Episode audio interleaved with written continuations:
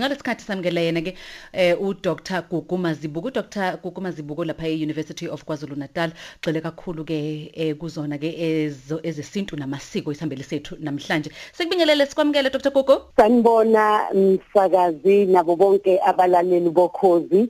Ngiyanibingelela nonke ekseni kuyintokozo enkulu mgabha mafuthi siphinde sibe nawe. Sekube yithutshana nokho sagcina ukuxoxisana nawe. Ngicabanga ukuthi mthatha iminyaka sagcina ukuxoxisana mibili futhi sagcina ukubonana lapha ya si- si- sizo nizosicitha eh kulolu limi lesizulu lapha eh ku- ku- khona UKZN yebo enyuvesi ngiyakhumbula kakhulu ngiyakhumbula.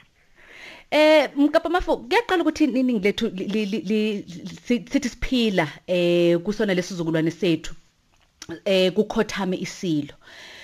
Okusho ukuthi okuningi okwenzekayo manje eh iningi lethu alikwazi.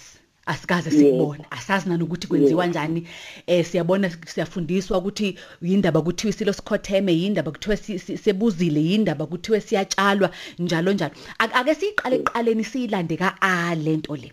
Eh ngoba kade kubo- ku- ku- kukhalwa futhi abanye ebe- bephawula bethi kutheni kuthiwa is- isilo sizotshalwa? Abesilisa kuphela besifazana badingeki abanye bevutha phe be- be- bekhala ngala bathi "Mm, hayi esikhathini samanje bephawula izinto ezahlukahlukene. Ake siyilande nje eh mgabha mafu siyilande ekuqaleni ukuthi ngabe is- isebenza kanjani lento le? Yebo.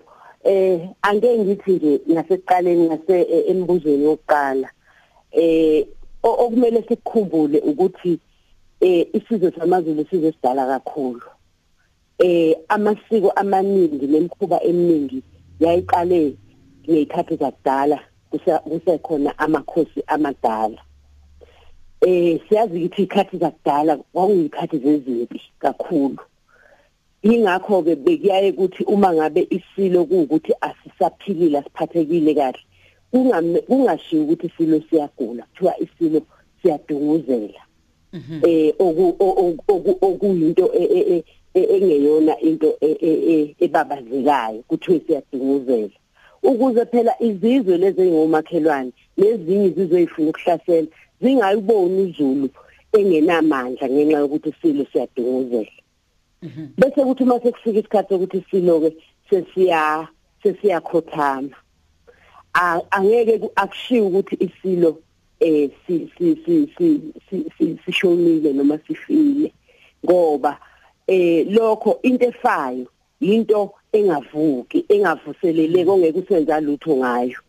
Kanti ukukhothama nje kusuke ku ku- ku- kukuthoba eh ku- ku- ku- ku- kungokwesikhashana ngoba sisuke sazi ukuthi ena eh sizothi uma ngabe sesikho- sesikhothamile satshalwa bese sesibuya sesibheka isizwe ngoba phela sisuke naso ke sesi sesibheke isizwe nga- sesingale futhi ke asikwazi ukuthi isilo kuthiwa sifile ngoba isilo sihambisana nesihlalo sobukhosi.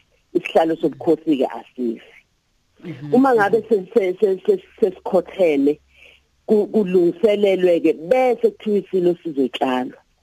Into etshalwayo ke eh itshalwa ingokunye bese ivuka noma ihlume isingokunye ngakho ke asikwazi ukuthi isilo siyasingcwaba kepha isilo siyatshalwa ngoba sisuke sitshalelwa ukuthi uma sesivuka sivuke sibheke isizwe sesingale kokhokho.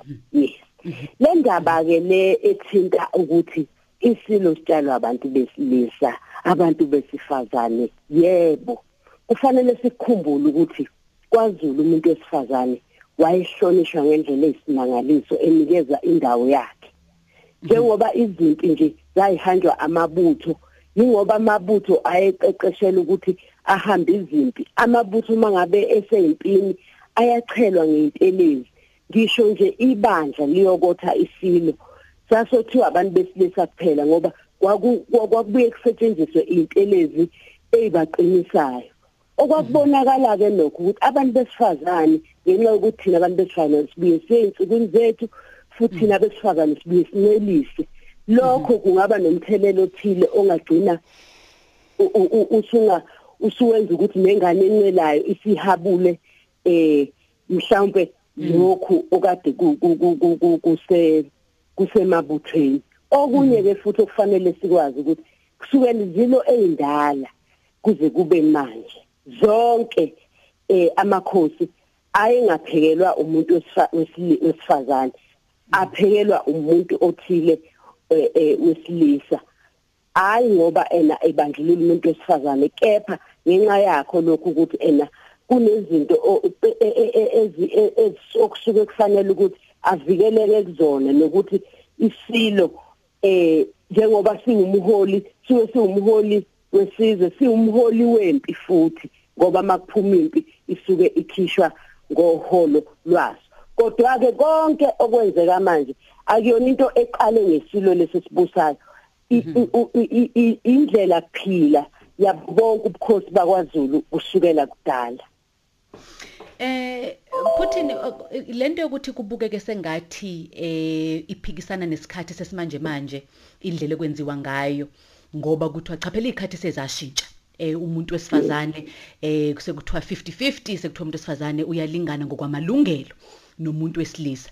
Bese ke iqhamuka ngalolo hlangothi ke lolu ukuthi ngoba indlela oyibeka ngayo ibeka mnandi ukuthi kwakungenxa ukuthi wayihlonishwa umuntu wesifazane futhi kubalekelwa into ukuthi agcine eh, yena noma usana lo lasuke lincelisa kube ukuthi behabula okungeko okungafanele kube ukuthi kuyangena kubona.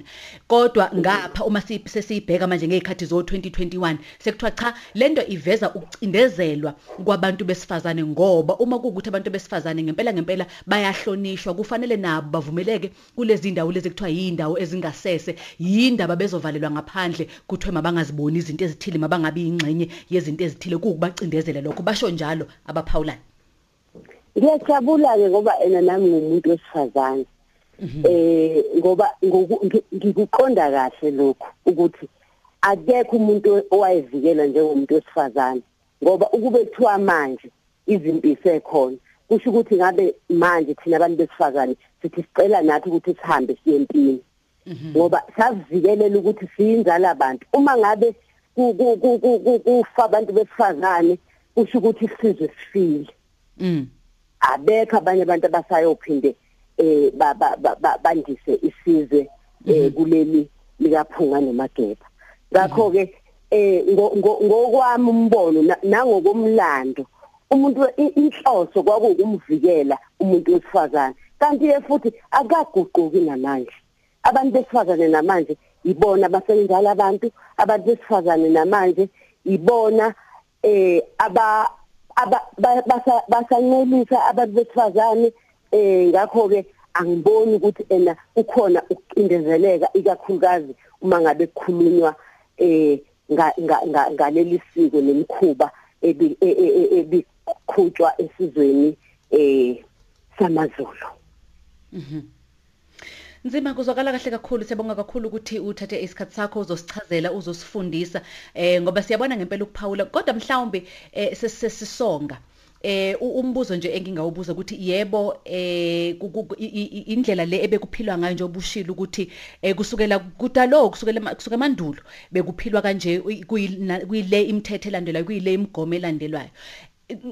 Kuyiphutha yini ukuthi abantu eh bafisa ukuthi kushintshwe lokho kuzohambisana nesikhathi samalungelo nesikhathi sesimanje manje. Noma kubiza kona ukuthi ezinye izinto kufanele zibhekwe noma ezinye izinto kufanele siziyeke nje sizihloniphe sikhumbule ukuthi zinendawo yazo futhi zinesizathu. Eh bengisaqala nje ukuthi enake ngikuveze lokhu ukuthi eh isizwe isizwe ngamasiko aso. Isizwe isizwe ngamagugu aso. Ngakho ke kumele sihloniphe lokho ukuthi konke lokhu kungamagugu esizwe samaZulu. Uma ngabe sikuguqula thina kusho ukuthi ke sesishabalalisa onke okungamagugu ethu nokuyithi thina amaZulu okusenza sehluke nakwabanye. Ngakho ke izinto ezinjengalezo kufanele sibhekelele ukuthi ziyagcineka ziyalondeka. Ngoba mm. zazinechaza ezazilibambile futhi nokubaluleka kwazo okwenza ukuthi singa kufanele singakuvumeli ukuthi zishabalale. Sibonga kakhulu Nzima. Ngiyabonga kakhulu.